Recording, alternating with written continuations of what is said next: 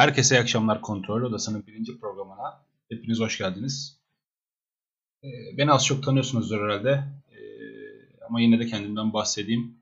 Gelecek Bilim'de kanalının şu andaki reji ekibindeki yönetmenim.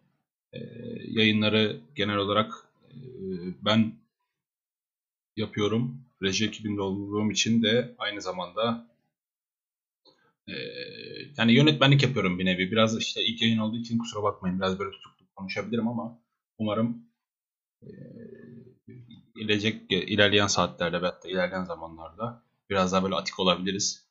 E, öncelikle isterseniz kendimden bahsedeyim. İsmim Semih Canbaşoğlu. E, bir IT firmasında çalışıyorum. Network ve sistem uzmanı olarak.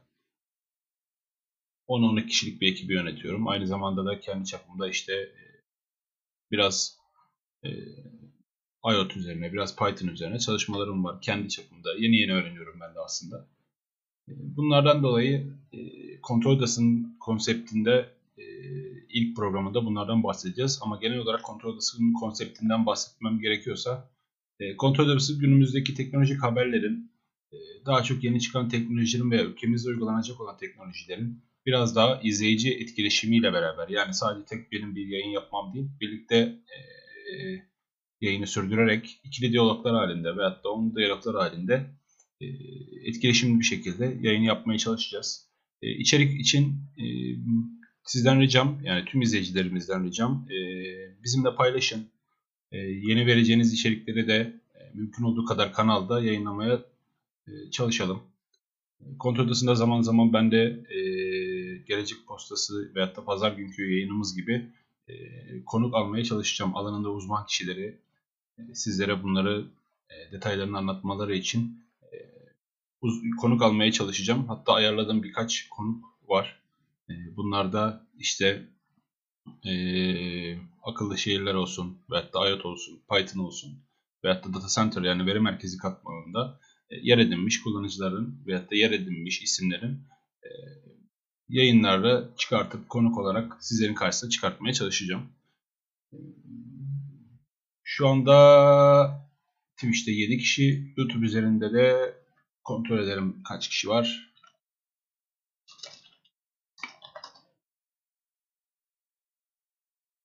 YouTube üzerinde de 5 kullanıcımız bizi izliyor. Evet şu anda 13 kişilik bir ekibimiz var. Zamanla yükseltmeye çalışırız muhtemelen. Hepiniz hoş geldiniz diyorum baştan tekrardan. Bugün konularımızdan temelce bahsedeyim. Ee, bildiğim veya araştırdığım kadarıyla akıllı şehirlerden bahsetmeye çalışacağım. Ve ardından da yeni yeni öğrenmeye başladım Python. Python'ın artıları ve eksileri. Neden Python kullanırız ya da ben neden Python'ı tercih ettim? Biraz bundan bahsedeceğim. Ee, daha sonra da yayının ikinci kısmında da işte bir uzay simülasyonumuz var Planet Base. Sizlerle eğlenceli vakit geçirmek için biraz da onu paylaşacağım. Bunlardan önce kanalın altındaki lütfen başvuru formunu doldurmayı unutmayalım. Eğer teknik olarak veya da elinizden bize katmak istediğiniz bir şeyler varsa, bizimle beraber çalışmak, bizimle beraber bu platformda yer almak isterseniz kanalın altındaki formu doldurmayı unutmuyorsunuz. Ekranımızın sağ tarafında sosyal medya hesaplarımız mevcut. Bunları da takip edelim ve sizden tek ricamız e, yayınlarımızı mümkün olduğu kadar sosyal medyada paylaşırsak bizim için artı bir avantaj olur.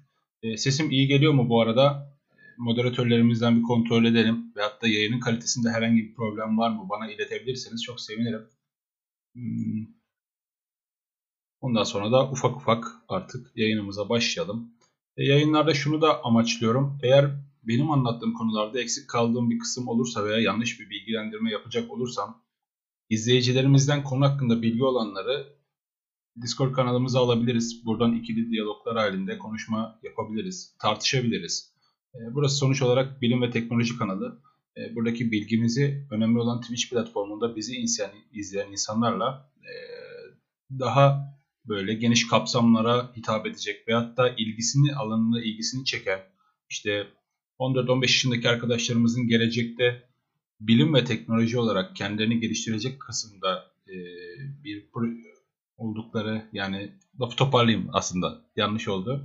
E, bizden ufak arkadaşlarımızın veyahut da bu işe hevesli ve gönüllü olan arkadaşlarımızın bilim ve teknoloji alanında daha da ilerlemelerini, daha da kendilerine bir şey katmalarını amaçlıyoruz. Twitch'in ilk bilim ve teknoloji kanalı e, olarak hmm, hedefimiz, amacımız, gayemiz bu. Bizi destekleyerek, sosyal medya hesaplarımızı takip ederek, Patreon üzerinden bizi destekleyerek veyahut da abone olarak e, yapacağınız bağışlardan da e, biz kendimizi ve sizleri daha da geliştirip belirli durumlarda kendimizi daha iyi yerlere getirmek için çabalıyoruz. Evet biraz tutum. Ee, teşekkür ederim Eren. Ses iyi olduğuna sevindim. Mikrofonu bayağı ulaştım. Hatta bugün yayın için hazırlık yapıyorum. Yani açık söylemek gerekirse saat 2'den beri hazırlık yapıyorum. Ee, yani aslında şu 2'den beri After Effect'le uğraşıyorum. Kanalın introsunu veyahut da outrosunu ayarlayayım diye uğraştım ama After Effects biraz daha benim herhalde başımı ağrıtacak ve zamanımı alacak bir şey. Çünkü e, çok basit bir şey değil. Birkaç tane de eğitimini aldım internet üzerinden. Eğitimlerine başladım şimdi. Önümüzdeki zamanlarda After Effects'le geçişlerimiz veyahut da işte gelecek bilimlerin bütün alt konseptini After Effects üzerinde animasyon olarak yapmayı planlıyorum. Muhtemelen de başarılı olacağız. E, ben ilk konumuza geçeyim diye düşünüyorum. Şöyle geçelim.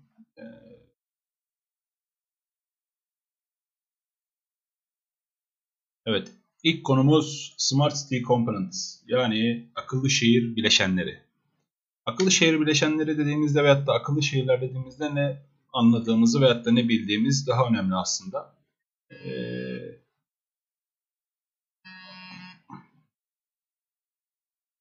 akıllı şehirler e, günümüzde ve hayatımızda artık yer edinmeye başladı. Hatta bundan öncesi akıllı evler var şu anda hemen hemen artık her yerde görebildiğimiz yeni evlerin bu şekilde inşa edildiği, yeni evlerin bu şekilde dizayn ve dekore edildiği bir kısımda e, yavaş yavaş artık akıllı şehirleşmeye, akıllı yaşama, akıllı işte trafik, akıllı eğitim, akıllı sağlık, akıllı yönetim ve hatta akıllı üretim kısmına geçmeye başladık.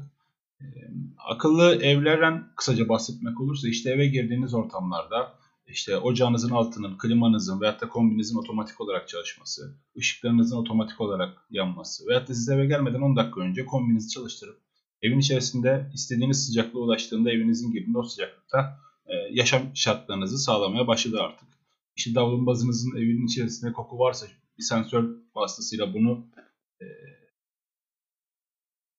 bunu teyit edip buna göre çalışması veyahut da ocağınızın, yemeğinizin veyahut da çayınızın altına kahve makinenizin otomatik olarak çalışması gibi. Geçenlerde hatta e, Black Mirror 3 daha yeni yeni böyle ikinci ve üçüncü sezon izlemeye başladım. Hani insan beynindeki alanın bir klonu bir evi yönetmesi için bir kutunun içerisine koyup sabah uyandığınızda perdenin açılması, sevdiğiniz müziğin çalması ve işte ekmeğinizin orta kızarmış sevdiğiniz kısmında pişip uyandığınızda hazır olması gibi bir durumlar oluşuyor. Tabi bu her zaman bizim için e, iyi bir şey olacak mı? Hayatımıza kattığı çok artı bir şey olacak ama bizden götüreceği çok eksi bir şey olacak diye de ben düşünüyorum.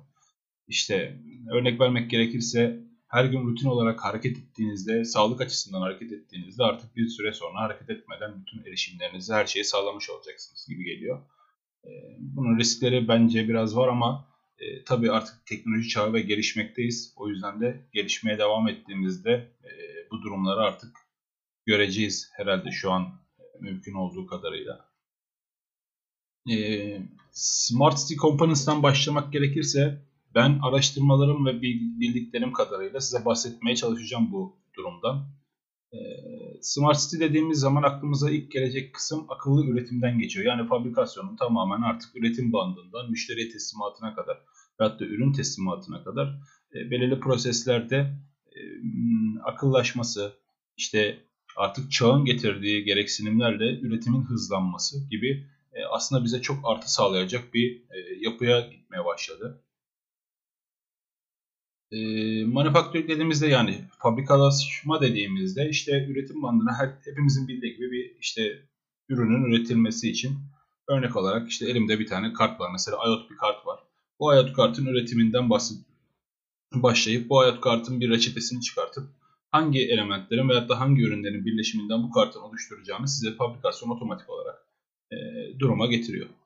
E, daha sonra üretim bandına geçip bu ürünlerin işte hazırlanması hangi stoklardan ne kadar adet veya da hangi üründen kaç gram kullanarak e, bu ürünü elde edebileceğimiz bize otomatik olarak artık akıllı sistemlerden çık çıktıları veriliyor ve üretim bandına bu şekilde gidiyor. Üretim bandında ise e, yine belirttiğimiz veyahut da IoT ürünleriyle işte akıllı Internet of Things dediğimiz akıllı sistemlerle artık bu karttan kaç tane üretildiği, bu kartın üretiminde e, ne kadar bir hata payının olup olmadığını veyahut da işte ne kadarlık bir sürede kaç tane kart üretebileceğimizi, bu kartın sağlıklı çalışıp çalışmayacağına kadar denetleme mekanizmaları oluşuyor.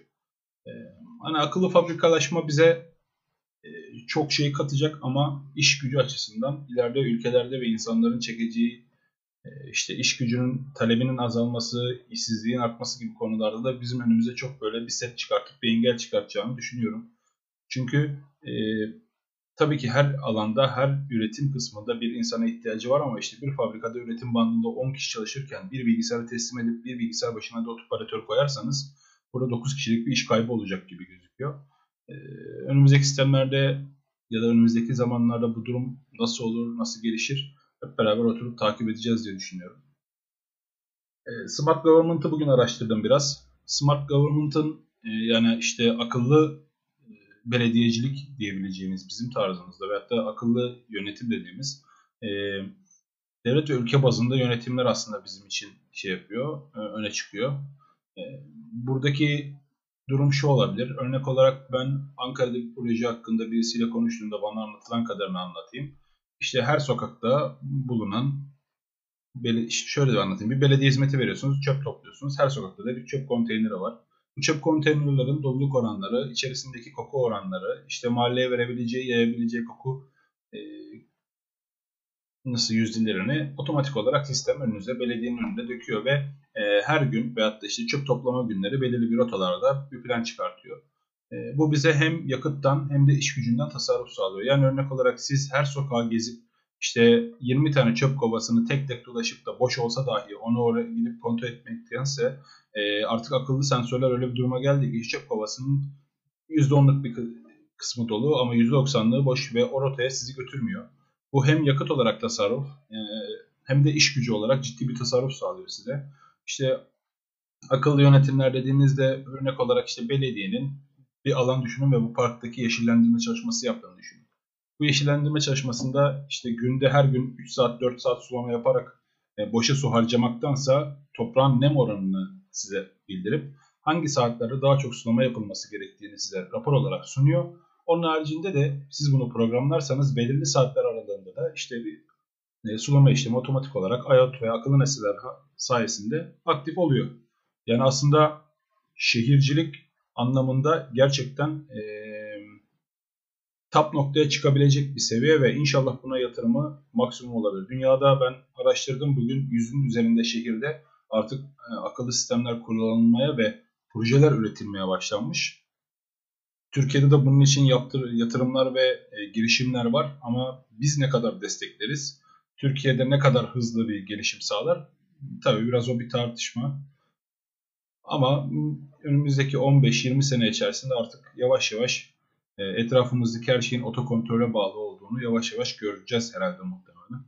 Çünkü e, örnek olarak işte akıllı şehirciliğe geldiğimiz zaman işte trafiğin İstanbul'da veyahut da İster Türkiye'nin büyük şehirlerinde yaşayan insanların çoğunun derdi trafik e, ve sıkıntısı trafik. Ben İstanbul'da yaşıyordum. İstanbul'da hani bir Avrupa yakasından Anadolu yakasını 6-7 saatte geçtiğimi bilirim. E, tabi bundan önce artık akıllı sistemlerin gelmesiyle trafik oranının nereye yönlendireceğini, hangi ana hatlar üzerinden trafik ışıklarının ne kadar sürede ne kadar yanacağını ve trafiği nasıl rahatlatacağını artık e, akıllı sistemler yapmaya başladılar. Bunun için e, yerel yönetimlerde veyahut da işte belediyecilikte akıllı sistemlerin çok çok böyle tap noktalara geleceğinden eminim ve hayatımızı çok çok kolaylaştıracağından çok eminim. E, mobility Wi-Fi kısmı aslında hepimizin bildiği gibi şu an işte belediyelerin de her noktada artık e, ücretsiz internet sunma hizmeti gibi bir şey. Yani nereye giderseniz gidin Wi-Fi açtığınızda bir belediyeye wireless'ına bağlanıp internet erişiminizin her yerden olduğu bir nokta oluyor. Bunun bizim için çok böyle e, getirisi şu noktada koyabileceğimiz her IoT cihazının bu cihazlardan bağlanıp internet üzerinden bize senkronize olarak çalışmasını sağlayacaktır. Bunun artı bir avantajı zaten hepimizin artık mobil telefonlarında internet var. Bize çok artı katacağından değil ama e, akıllı şehirleşmede bir artı seviyeye internet erişiminin en azından kesinlikle olarak sağlanmasını mümkün kılacak.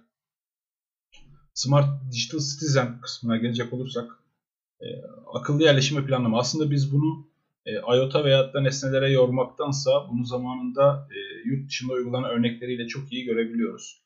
Hani bu akıllı kentleşmekten önce zaten Avrupa'da birçok ülkenin e, akıllı yerleşim ve akıllı işte nasıl söyleyeyim size akıllı yerleşim olarak tabir edelim. Akıllı yerleşim olarak zaten planlamaların yapıldığı ve e, işte yaşam şartlarının ona göre entegre edildiği bir ortamda zaten yaşıyor yaşıyor Avrupa'daki insanlar. E, kaliteden istersen YouTube'dan izleyebilirsin Game 007. E, kaliteyi düşüreyim. Hatta şeyi de alayım. YouTube üzerinde video seçeneği mevcut. Buradaki kaliteyi de düşürelim. Biraz daha şu an 4500 verelim. Evet şu an biraz daha düşmüş olması gerekiyor. Games bir F5 yaparsan yeni dersen yayındaki şey yapalım. İşte nerede kalmıştık? Evet Digital Citizen Smart yani akıllı yerleşim ve akıllı yaşam şartlarında yurt dışında hatta ıı, şu anda hala uygulanmakta olan işte benim yurt dışında gözlemlediğim ve hatta tanıdıklarımın yaşadığı kadarıyla belirli lokasyonlarda eğer oraya yerleşmek istiyorsanız önce devletten izin almanız gerekiyor. Ee, devlet çünkü öyle bir planlama yapıyor ki e, işte 10 bin nüfusluk bir ilçede veyahut da bir köyde veyahut da bir kasabada yurt dışında nasıl tabir ediyorlar net olarak bilmiyorum. Bu kasabada e, öncelikle altyapı, işte kanalizasyon, su, elektrik gibi altyapıyı önce oturtuyorlar. Daha sonra hastane, polis karakolu, işte market, işte kütüphane, etkinlik alanları, tiyatro salonu, sinema salonu gibi yerlerin e, planlaması yapılıyor. Ona göre yerleşim izni veriliyor size. E, siz kalkıp da ben işte tabiri caizse Esenyurt'tan Bahçelievler'e taşınmak istiyorum dediğiniz zaman devlet diyor kardeşim yok sen taşınamazsın çünkü buranın altyapısı buna göre dizayn edilmiş. Ve buna göre buradaki yaşam şartları ve koşulları buradaki insanlara e, daha iyi veriyor. Tamam belki eğer şu an daha iyiyse bundan sonra 1500'e veririz. Gelecek bilimde de aynısını yaparız. Ben 6000 ile veriyordum bitrate'i. Şu an daha iyi ise muhtemelen sorun çözülmüştür. Dediğim gibi işte belirli ilçeler arasında bile taşınmanıza yurt dışında izin verilmiyor. Çünkü oranın altyapısı ve ekonomi ekosistemi ona göre yerleştirilmiş. Ona göre üretim ve talep ve tüketim var. Ee, buna göre planlamalar devam ediyor. Ee, Open Data dediğimiz kısım cihazların veyahut da artık bilginin her kısm, herkesin veyahut da her kısmına açılması demek. Yani işte Open Data dediğimiz aslında sizin alışkanlıklarınızı veyahut da trafikteki gidişatı e, veyahut da e, yaşam şartlarında oluşan koşulları büyük bir data halinde toplayıp e, yaşayanlara veyahut da bu iş için uğraşan insanların paylaşımını temsil ediyor aslında bir nevi. E, çünkü bildiğiniz gibi hayat nesnelerinin veyahut da internet of, işte akıllı nesnelerin hayatımıza girmesiyle itibaren girmesiyle birlikte artık bizim hakkımızda inanılmaz bir data ve veri tutmaya başladılar. Çünkü e, attığınız her adımdan örnek olarak işte telefonunuzun bile bazen bizim izleyicilerimizden de denk geliyor. Ben chat kısmında da okurken e, denk geliyor işte konuştuğumuz bir konunun telefonumuz Google açtığımız zaman karşımıza getirmesi gibi bir şey. Yani bu telefon bizim için bir data tutuyor. İşte ya da bir kiralık ev aradığınızda bir ilan sitesinin önünüze çıkması gibi bir durum. Yani bildiğiniz yerde. Bu bir datayı topluyor ve geri geliyor. Merhabalar Cemal Hocam, hoş geldiniz. İlerliyoruz yavaş yavaş.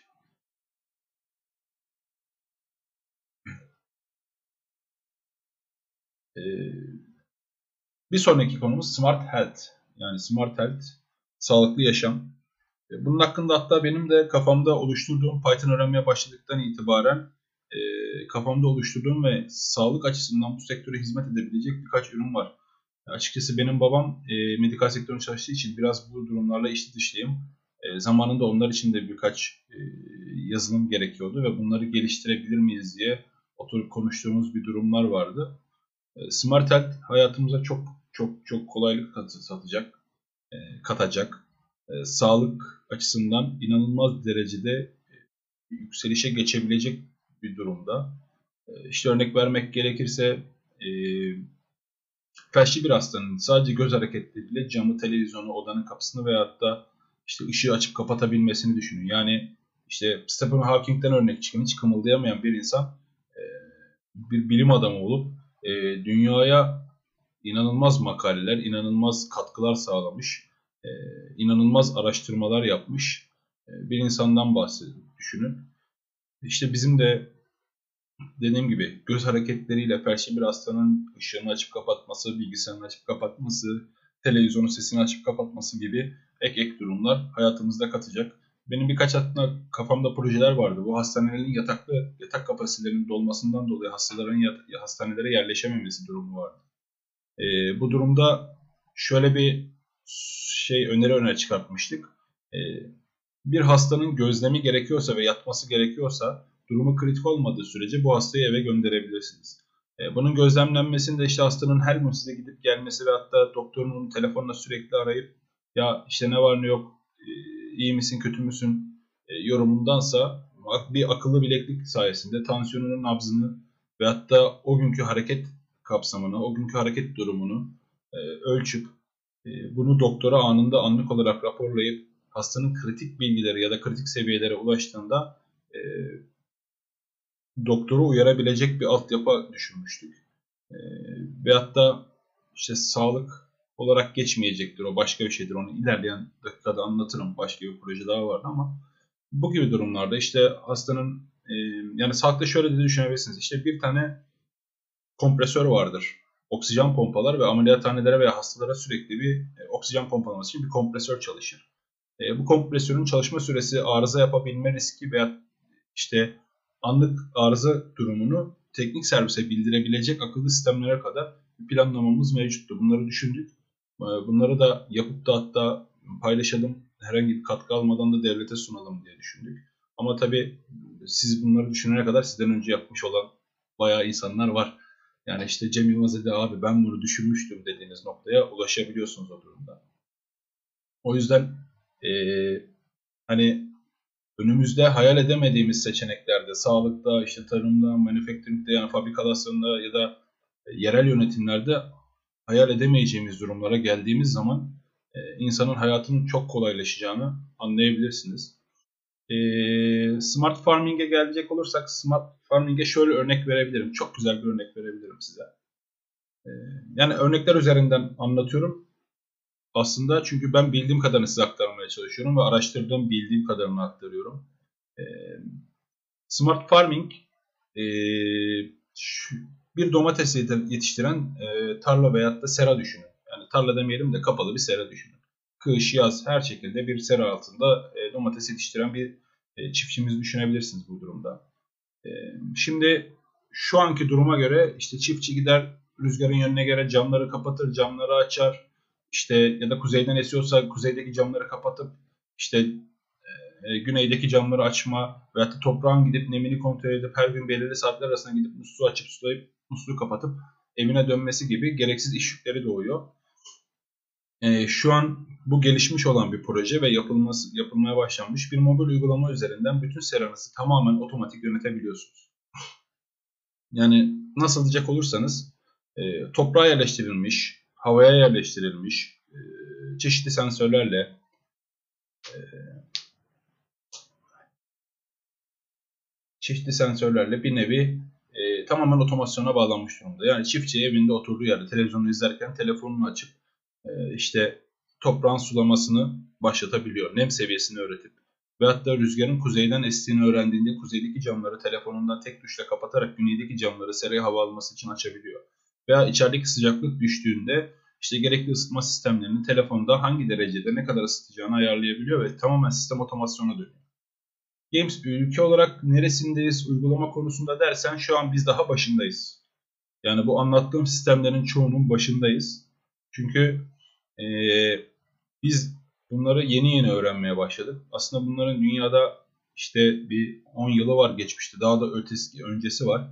Ee, çok ciddi rakamlarda yapılan projeler, araştırmalar var. Dediğim gibi neredeyse 200 ve yani 100 dedim ama 200 ve 250 üzerinde şehirde artık uygulama e, safhasına geçmiş e, şeyler var, durumlar var. Evet, yukarı uygulamalar var. Avrupa şehirlerinde veyahut da işte Amerika'da özellikle bu konunun üzerinde çok duruyorlar. Çünkü insanın hayatını kolaylaştırabilecek her durumda e, kapasiteyi arttırma açısından çok elverişli bir sisteme doğru gidiyor. Evet akıllı sistem veyahut da kolaylık açısından bizi biraz tembelleştirecek Ama e, hayatımıza katacağı kolaylık inanılmaz olacak. Belki o konuda doğru söylüyorsun. Bu örnekler maalesef bizim için kötü. Bir şey yapmaya çalıştığın zaman çünkü insanların e, önüne engel çıkarması veyahut da bir dayınızın tanıdık olması gerekiyor. Genel olarak bir şeyler kapsam yani bir şeyler yapabilmeniz için.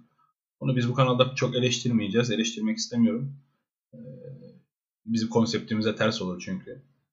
Ama dediğim gibi mesela bu farming de ülkemizde evet uygulanmaya başlandı. Yani Antalya'da veyahut da işte güney illerinde daha çok akıllı tarım kısmına geçtik. Ama ben akıllı tarım dediğinde işte yani bunu aslında şöyle hoş geldin Kosmos teşekkürler. Şöyle yani mantıken şöyle düşünebilirsiniz. Şimdi ülkemizde her sene işte patates yetiştiriliyor, stoklanıyor, e, fiyatları çıkıyor 6 liraya diyorlar ki patates yok piyasada. Veyahut da geçen sene yaşadığımız veya geçtiğimiz zamanlarda yaşadığımız domates üretimi veyahut da fındık üretimi. Yani üretim bir düşüyor bir artıyor. Bu da ne oluyor? Tüketiciye artı bir ücret olarak yansıyor. Yani bir patatesi 6 liraya almanızın hiçbir mantığı yok. E buradaki tamamen de e, nereden geçiyor? Planlamadan geçiyor. Çünkü e, ülkemizde benim gördüğüm veyahut da bildiğim kadarıyla bir planlı üretim henüz oturmuş değil. Yani çiftçi gidiyor bakıyor bu sene en iyi şey ne para ediyor? Patates. Bu sene 5 liradan satarım diyor. Gidiyor patates ekiyor. Ama devlet gidip demiyor ki kardeşim ben patatesi 1000 kişiye zaten verdim ve üretim kapasitesi örnek vererek işte 500 bin ton. Ama git sen eksik olan soğan. Soğan bugün bu sene 300 bin ton çıkacak. Sen de git soğan ek sana bunu izin veriyorum demiyor. Yani bizde her çiftçi kafasına göre balkonuna saksı koyan salatalık ekmesi gibi bir şey bu. Yani balkonuna, terasına veyahut da camın önüne annelerimiz koyarlar böyle saksı. içinde çilek yetiştirirler, domates, biber yetiştirirler. Ama tarım dediğiniz böyle bir şey olmamalı ve hatta hani benim düşündüğüm kadarıyla olmamalı. Çünkü gidip de e, patates üretimi bu sene işte 1000 tane çiftçiden 900'ü patates üretirken 901.sinin de patates üretmesine gerek yok. İşte akıllı sistem, akıllı farming, smart farming buna dönmeye başlıyor. Yani sizin senelik üretebileceğiniz kapasiteniz, e, buna manufacturing'e geçtiğiniz zaman tüketiminiz ne kadar olacak, üretiminiz ne kadar olacak ve ne kadarlık bir kısmı e, karşılar gibi düşünebilirsiniz. Games en, yani engelliler için bu smart health yani işte akıllı sağlık çok çok artı şeyler katacak. Dediğim gibi e, Türkiye'de yok ama yani var mıdır bilmiyorum açıkçası ama işte bir felçli bir hastanın sadece göz e, hareketleriyle evin içerisini kontrol edebileceği bir duruma düşürebilirsin. Yani bu aslında şöyle bir şey var. E, bu projeleri geliştiren insanların insanların nelerden zorluk çektiğini öğrenmeleri gerekiyor öncelikle. Yani evet biz diyoruz ki biz böyle bir sağlık projesi geliştirelim, akıllı sistem olsun, insanlara şu kolaylığı sağlasın. Ama bir arge yapılmadan veyahut da bir tespit yapılmadan bir şey üretmenin bir mantığı yok. Bizim ülkemizde genelde bu var. Arge olmadan insanın aklına bir fikir gelir. Evet bunu uygulayayım der, bunu uygular, tutarsa tutar, tutmazsa tutmaz. Ama kimse gelip de sana fikrini sormaz. Ya kardeşim sen neyde zorluk çekiyorsun? Bana bunu söyle ki biz sana ona göre yardımcı olalım demesi gerekiyor insanların.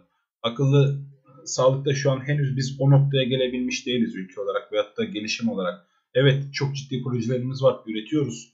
Ee, çok ciddi yatırımlar yapılıyor. Tamam bunların hepsi doğru ama insanların isteklerini soran veyahut da senin ne gibi bir sorunun var diyen herhangi biri daha ben görmedim. İlla ki vardır ama bunlar en azından bizim yani bizim gözümüzün önünde yapılsa keşke de biz de kendi fikirlerimizi sunabilsek. Ee, veyahut da senin gibi arkadaşlarımız diyebilse ki bana hayatta şu zorluk çıkıyor karşıma ben bunu yenmeliyim ve bunun için bir şey istemeliyim diyebilmelisin yani. O yüzden bu yani şu süreçte değil ama önümüzdeki 5-10 seneye biraz daha gelişmiş ve umarım insanların söz hakkı olabileceği bir durumda olur. Ee, çünkü istekler insanlardan gelir ona göre üretilir. Ama biz e, önce üretip sonra insanların buna ayak uydurmasına uğraşıyoruz. Aslında yanlış bir metot uyguluyoruz. Evet, Smart Building'i yayının başında akıllı evlerde anlatmıştım. Smart Building tamamen buna geliyor. Smart Building dediğiniz akıllı evler. Çayımın altı açılsın, ışıklarım yansın, perdelerim kapansın. İşte sabah beni opera, Mozart'ın müziğiyle uyandırsın gibi sistemlere geliyor. Smart Grid enerji bu en çok e, dünyada tasarrufu sağlayacak enerji kısmında e, belki tap noktaya çıkartacak durum. E, bu da e, belirli üretim kapasitelerinin veyahut da belirli enerji kullanımlarının hangi e, odaklara geldiğini ve kimin ne kadar çok fazla kullandığını, kimin de ne kadar az kullandığını size çıkartacak.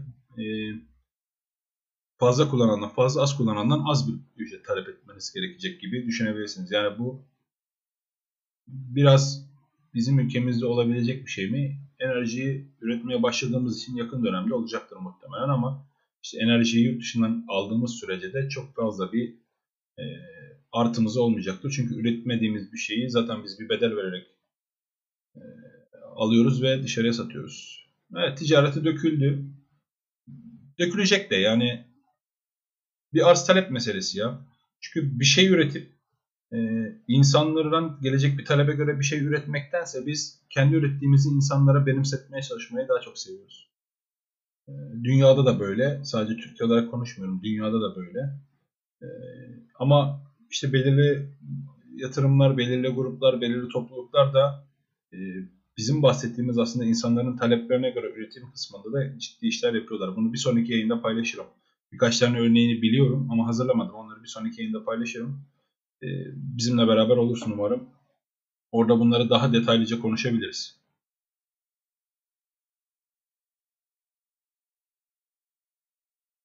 YouTube'a da bakalım. Akıllı yaşam sayesinde oradan kazanacağımız zaman ile başka şeyler yapar insanın gelişim açısından. Evet. E, Mustafa Çelik bunun için doğru söylüyorsun. E, zaman kazandığımızda başka şeyler yapabiliriz. Ama bu işte bir risk. Zaman kazandığında tembelleşebilirsin de. Yani bunun çok böyle bir artısı eksisi olacağını düşünmüyorum. Yani evet artısı eksi illaki olacak ama insanın yapısına bağlı olarak biz bir şeyler öğrenmeye çalışırken başkalarının da bir şeyler öğrenmemeye çalışması biraz e, bir ikilim olacak gibi geliyor.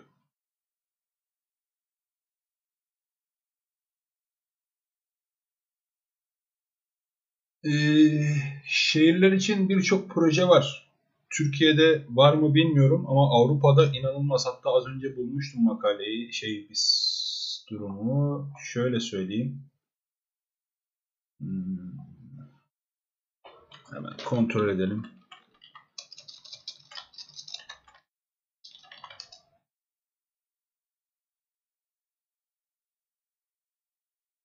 Asgardia bildiğim kadarıyla hala uzay üstünde duruyor. Tam olarak e, buna döndüğünü düşünmüyorum. Ama işte soracak olursanız smartlarda mesela işte İtalya'da, Portekiz'de, İspanya'da, e, Hollanda'da, e, Avusturya'da, Finlandiya'da onun haricinde görebildiğim yani bizim ya bu ülkede hiç yapılmaz dediğimiz bir yerler yok. Peru'da bile akıllı sistemler artık şey çalışıyor. E, top noktaya yani top noktaya erişmeye çalışıyorlar ve çok ciddi yatırımlar yapıyorlar. Ama e, hani geride mi dünya buna? Hayır geride değil. Henüz yeni çıkan bir teknoloji ama Türkiye geride mi? Evet Türkiye geride bunun için. Asgardia konusunda bir şeyim yok, bilgim yok. Onu da araştırırım. Bir sonraki yayında yine dediğim gibi tekrardan bunlardan bahsederiz. Yani ben bildiğim kadarını anlatmaya çalışıyorum size. O yüzden eksik olduğum konularda kusura bakmayın. Ama bunların hepsini not alıyorum. Bir sonrakinde e, üzerinde daha detaylı konuşabiliriz. Bu da ilk yayınım. Beni mazur görürsünüz.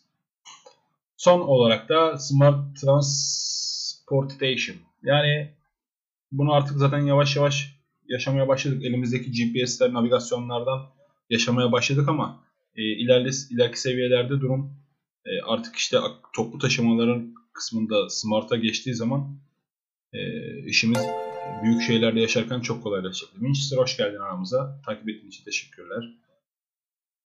e, Smart Transportation şu anda dediğim gibi navigasyonlarla aslında araç kullanırken hepimizin işte hangi yol ne kadar trafik yoksa navigasyonun bize alternatif bir yol üretmesi trafik açısından. Ama onlar yine toplu taşımada büyük bir kolaylık sağlayacaktır. Ee, bildiğiniz gibi mesela büyük mega kentte yaşayan İstanbul'da yaşayan insanların ulaşım sorunu çok ciddi. İşte metrobüsü, metrolardaki doluluk oranlarıyla bunları da ölçen ve tutan bir durum şu anlık bildiğim kadarıyla yok. Evet akbil akbil basıp geçiyorsunuz. Biniyorsunuz ama metrobüste bir duraktan inip öteki durakta başka bir araca binip devam da edebiliyorsunuz. Yani indi bindiği sayabilecek bir durumu yok araçta. Ee, önümüzdeki zamanlarda Türkiye üzerinden örnek verecek olursam bunun artık tamamen smart yani işte doluluk oranlarının hesaplanıp ona göre araçların trafiğe çıkmasına izin verilip toplu taşımaların ona göre de işte enerjiden ve yakıttan tasarruf etmek için de boş saatlerde de araç sayısını azaltmanın tamamen otomasyona bağlanacağını düşünüyorum ben şu anki durumda. Tabii bizim altyapımız buna yeterli mi? Ee, büyük şehirlerde evet altyapı üzerinde bunlara çok ciddi yatırıyorlar ama ufak şehirlerde zaten trafik sorunu olmadığı için pek bir problem olduğunu düşünmüyorum bunda. Dediğim gibi işte İstanbul'da bir yerden bir yere gitmeniz sadece araçta 8 saat sürdüğü durumları çok iyi hatırlarım. Yani başıma gelmiş bir olay, yaşadığım bir olay. Bu bizim için büyük şehirlerde evet sıkıntı. Şimdi Bursa'ya taşının. Burası biraz daha rahat ama burada da trafik sorunu var yani. Gerçi aracın olduğu her yerde bir trafik sorunu var. E, Smart Transportation'da işte sürücüsüz araçlar artık görüyorsunuz Tesla'nın ürettiği e, araçlar, işte Google'ın ürettiği smart araçlar veyahut da işte yakın zamanda geçtiğimiz hafta bahsetmiştik sanırım. İşte taksi, şoförsüz taksiler e, veyahut da filmlerde izlediğimiz gibi yakında bir 10 seneye kadar görmeye başlarız herhalde uçan araçlar. E, bunun gibi durumlar Smart Transportation içerisine giriyor. Şehirler artık büyüyor, insanların nüfusu artıyor. E, hızlı büyüyen şehirlere göç artıyor. E, ülkemizden bakacak olursak. Yurt dışında pek bu durum böyle değil ama ülkemizde böyle. Smart Transportation biraz hayatımızı rahatlatacak. Yani çok hayatımızı rahatlatacak gibi duruyor. Umarım da bizim için de öyle olur.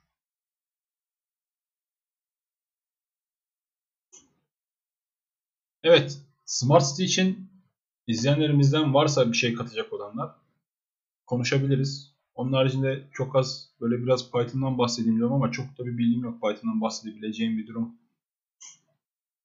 E, ne olur ona bakalım. Ben yeni yeni öğrenmeye başladım. Udemy'den de eğitim aldım. Yavaş yavaş e, işin içerisine girmeye çalışıyorum. Yakın zamanda Python'ın beni neden cezbettiğini anlatacağım şimdi size. Tamam. Muhtemelen şu anda herhangi bir işte durum yok herhalde. Şimdi Python'dan bahsedecek olursak şöyle bir grafik vereyim ben size. Ekranın ortasına koyayım ve bunu konuşalım.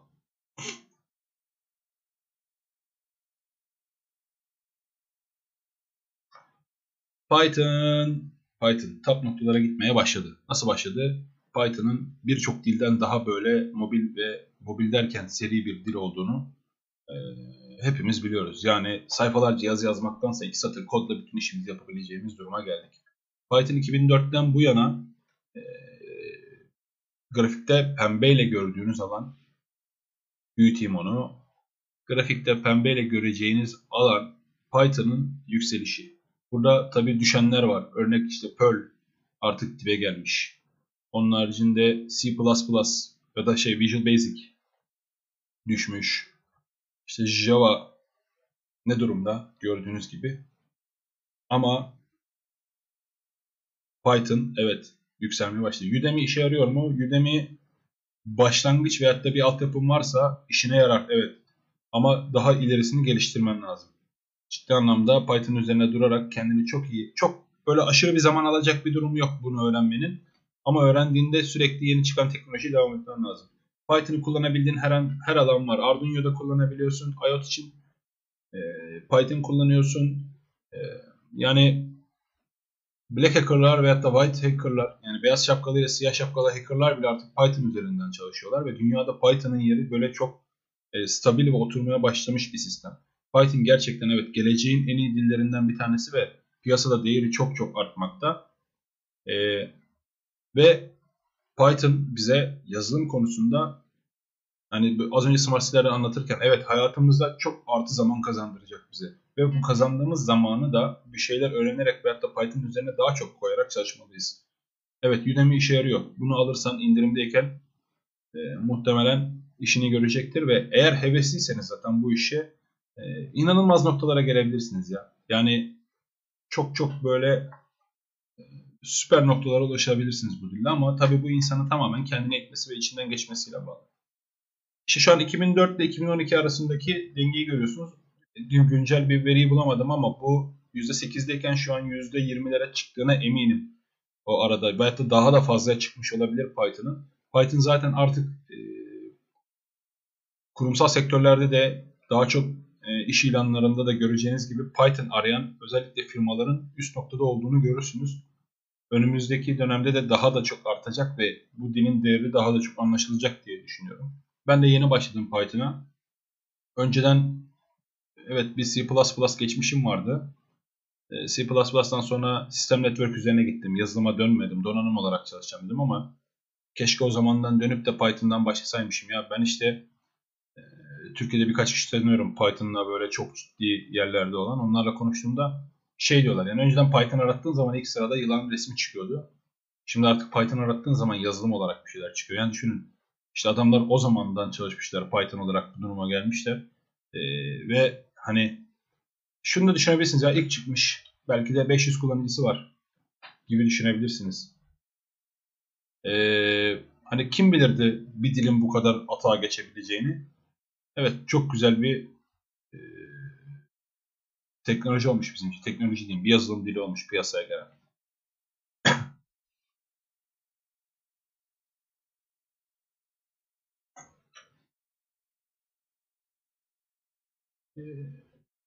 Bir sonraki görselimi vereyim. Bu görsel şu anda mevcut dillerin paylaşılabilirliğini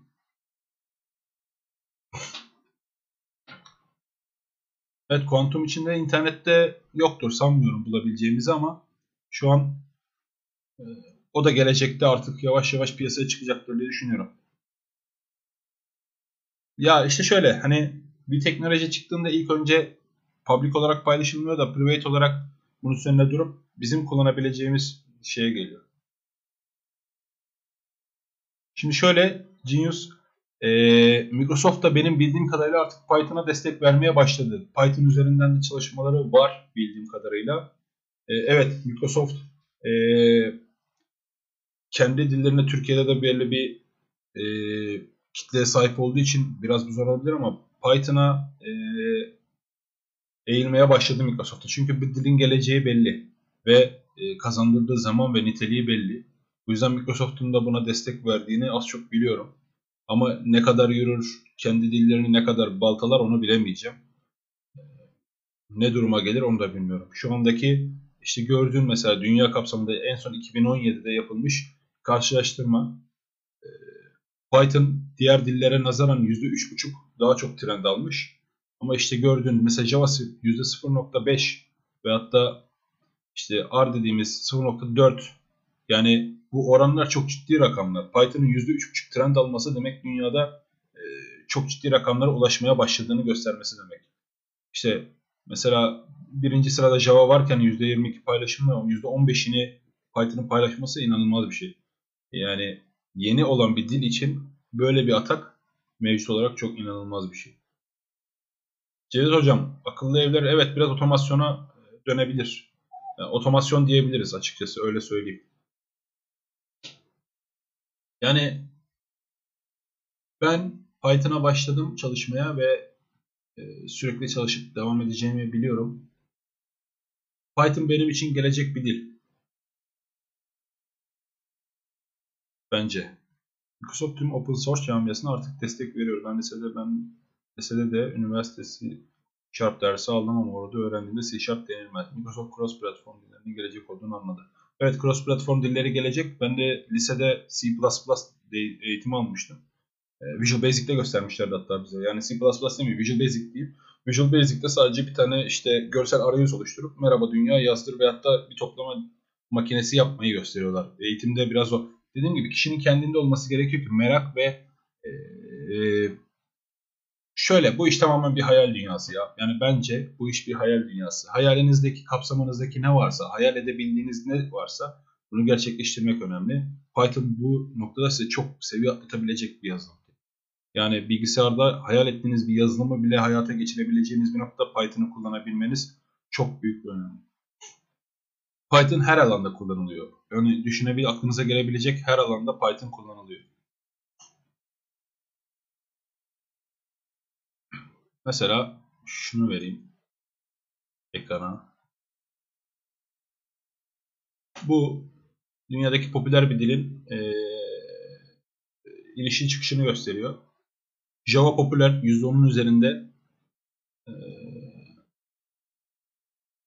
Python 2005'ten daha önce popüler değilken 2017'de Java'ya yakalamış durumda. Ama evet mesela Genius şu an mesela gördüğün grafikte PHP'nin düşmeye başladığını görebilirsin. Çünkü Python'da Django kütüphanesiyle de bir, bir internet sitesi yapabiliyorsun. Ee, işte ne bileyim farklı frameworklerle de çalışabiliyorsun ve inanılmaz derecede işini kolaylaştıracak PHP'de belki saatlerce yazdığın kodu sadece yarım saatte tamamlayabileceğin bir duruma geliyorsun. Hani şu andaki şöyle vereyim görseli ekrana vermemişim kusura bakmayın. Şu andaki durum ee, ya inanılmaz bir noktaya gidiyor ya. ya. Ben heyecanlanıyorum. Mesela Python hakkında böyle konuşurken ben şimdi yeni öğrenmeye başladığım için ve İran'da öğrendiğimde yapabileceğim şeyler için çok heyecanlan heyecanlanıyorum. Yani diyorum ki evet ben bunu öğreniyorum ve ileride çok inanılmaz projeler geliştirip inanılmaz yerlerde e, çalışabilirim ve hatta konuşulabilirim diye düşünüyorum ya. Yani hayalinizin biraz ufkunuzun açık olması lazım. Bir şey yapıp da e, çıkartıp bunun hakkında sizin hakkınızda böyle başarı öyküleriyle anlatılması çok gurur verebileceği bir durum ve ben bunu hedefliyorum. Yani bir yerde çalışmak veyahut da çok milyoner olmak, milyar dolar olmak değil ya. Ee, yani önemli olan yaptığınız bir şey hakkında konuşulması abi. Yani ben böyle her zaman düşünüyorum. Evet, Laravel bunların ipi çekilecek yavaş yavaş. Yani ipi çekilecek demeyeyim. Yavaş yavaş bunlar popüler